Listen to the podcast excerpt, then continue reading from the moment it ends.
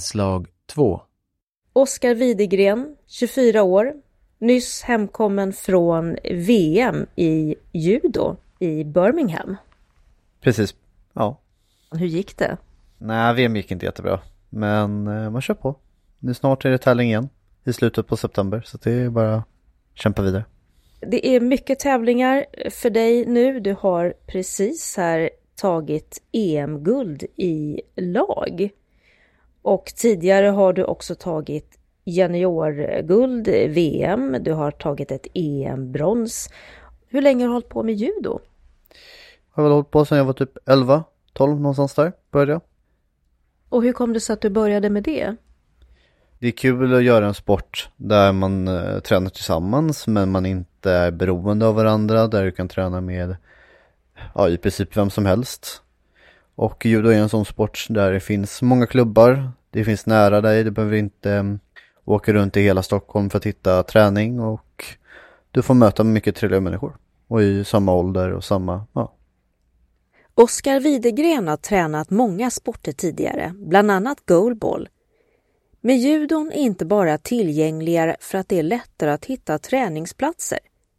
Som synskadad person kan man börja i vilken judoklubb som helst.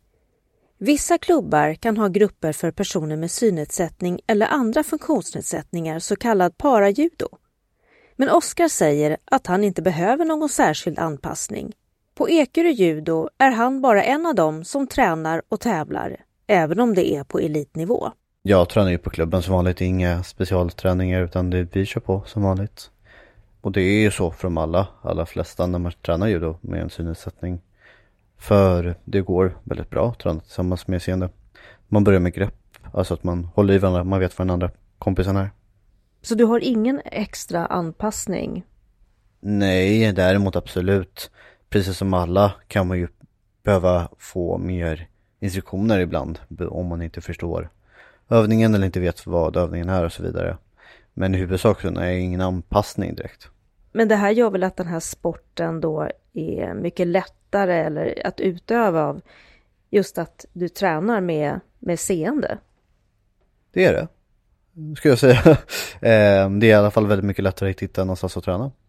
Eh, jag har ju både varit i, bott ett tag i Västerås och jag bodde när jag var liten i Järfälla. Och där fanns ju liksom vanliga klubbar att träna på. Inga konstigheter. Hur många personer med synnedsättning eh, håller på med judo på elitnivå som du gör? På liksom, elitnivå inom Paralympics så är det bara jag och Nicolina Pernheim Goodrich som tävlar.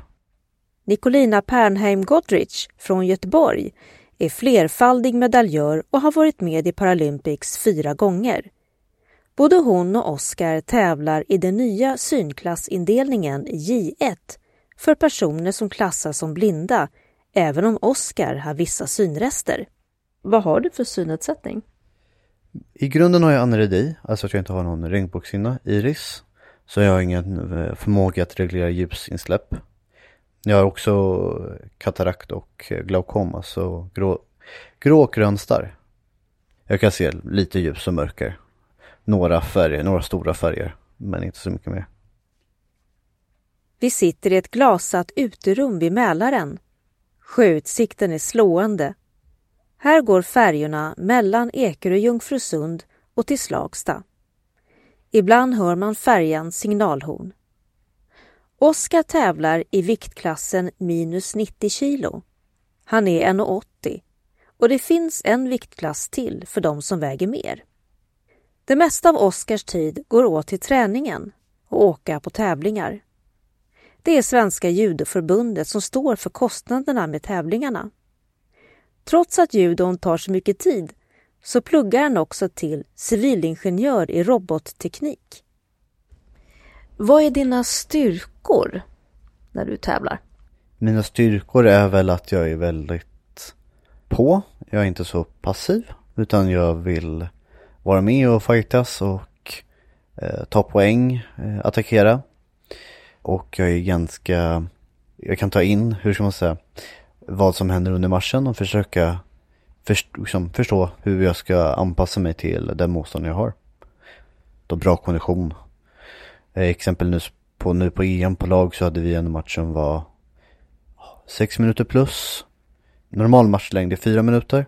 Men om ingen har poäng eller om det står lika så går det vidare till golden score som det heter, alltså första poängen vinner.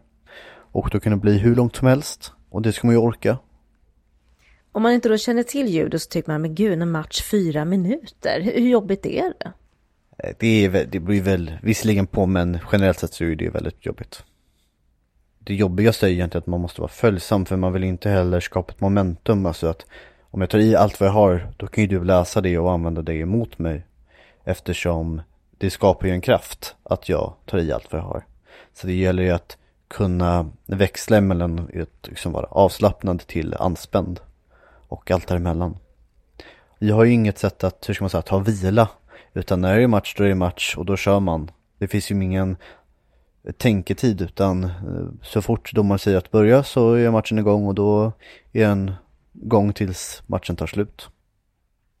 I judo har man en slags kimono-liknande jacka och ett par byxor. De är ett kraftigt bomullstyg i vitt eller mörkblått. Ett bälte i midjan har man med liknande färgkoder som karate har. Oskar har svart bälte. Judo betyder den mjuka vägen och är en japansk kampsport utan slag och sparkar men med kast och grepp. Vi håller i kläderna oftast och försöker kasta varandra så får den andra att eh, landa på rygg. Eller ja, komma ner i mattan. Och sen när vi har ramlat så kan man som liksom vuxen både strypas och ta armlås och så försöka bryta den andras arm. Men det är väldigt sällan det blir skador. Men det här med strypas? Nej men vi har ju massor med olika tekniker för strypas men vi kan ju både ha som vi kallar för nakna strypningar, alltså att man bara använder liksom, armar eller händer för att strypa den andra eller liksom klädda strypningar, alltså att man använder kompisens dräkt eller sin egen dräkt för att strypa kompisen. Kan inte du visa den här nakna strypningen på mig? Oj, nej men. Eh... Vänta, bakifrån?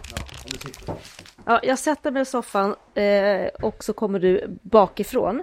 Ja. Då lägger man liksom så. Struphuvudet är i ditt armveck ja. och så har du, låser du, så har du dina händer, händer runt hopkopplade. hopkopplade. Men det här känns ju inte, om du trycker till där då kan ju inte jag andas. Det är egentligen inte andningen vi fokuserar på inom judo utan mm. det är blodtillförseln. För det tar ju väldigt lång tid innan någon hur ska man säga, skulle reagera på eh, luft liksom till forsen utan det är ju blodet som går snabbast och är mest effektivt. Men jag menar vadå om du har här då min, ja, min blod, det, det är blodet... det som är syftet med eh, att jag sätter just i armvecket att då har jag både en arm, alltså min biceps på din ena sida och min underarm på din andra sidan, alltså att jag stryper på sidorna och inte på struphuvudet framför. Hur länge kan man ligga med, med det där trycket då? ligger, alltså det beror ju på hur mycket motstånd du, eh, kompisen kan uppbåda. Det kan gå väldigt fort. Du säger kompis, är, är det det uttrycket man har?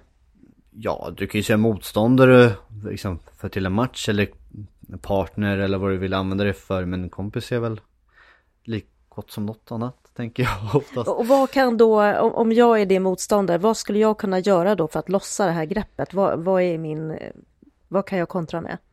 Nej men enklast och det man ska börja med är att försöka få ner hakan så nära eh, bröstkorgen som möjligt. Eftersom om inte jag kan komma åt runt halsen på dig så kommer inte jag kunna strypa dig heller. Sen om du kan så få bort armen eller få mig att inte kunna dra åt eller vad nu. Men du har bara också en begränsad tid i mattan och när du tävlar. Vad är liksom grejen med, med judo för dig som, som sport? Men som sport är det ju att den är väldigt teknisk. Den är både styrka och kondition så det är inte som att det är bara liksom, en viss fokusering utan du är ju hel, helhetstränad och du, du behöver ha en förmåga i helheten. Och, eh, du får träffa andra men du är inte beroende av andra. Det är enkelt och positivt. Eh, det låter nästan som du, som en väldigt snäll sport. Du säger kompis, du säger att den andra inte ska skada sig. Ja, absolut att det är en snäll sport. Eh, judo utformades ju från början för att man hade väldigt problem med inom konstsport att folk skadade sig och var borta ganska länge så att man ville att nej men vi vill ha våra ja, kompisar kvar på mattan på träningarna. Var det så det, det började? Vad är det för historik? Historiken är att det var en gubbe i Japan som heter Jigoro Kano som tränade hos olika jujutsu-mästare som sen gjorde sin egen sport, alltså judo och tog de teknikerna han tyckte var bra och inte skadliga som han sen gjorde till en sport som senare blev en del av skolplanen för alla japaner. Så att det är ju en sport som verkligen har lett till en folk, folkhälsan i Japan. Sen fall, någonting som har verkligen börjat blomma upp nu, exempelvis i Sverige men även i andra liksom, länder, där att vi tränar ändå på hur man ska ramla. Och det är ju bra både på arbetsplatser där det kan ske fallolyckor men även för äldre som riskerar att slå sig ganska illa om de ramlar. Så att det finns många kurser nu på hur man ska lära sig att falla. Som en del av judon. Vad är nästa mål eh, i närtid? Baku i Azerbajdzjan eh, i slutet på september. Jag vill ju kvala till Paralympics 2024 men just nu är det lite bit kvar till det. Men eh, det är mitt liksom, framtida närbelägna mål. Paralympics är nästa år. Men Oskar Widegren ser på judon med en mycket längre tidshorisont. Det viktigaste för mig nu är inte att vinna allt utan det viktigaste nu är att ha eh, förmågan att bli bäst. För det är en lång resa kvar. I judo blir bäst sent. Oavsett om det är liksom den olympiska sidan eller paralympiska sidan så är resultaten för de allra flesta när man är i 30-årsåldern, om inte äldre. Vad är det som gör att man blir bäst när man är 30 och till och med över det?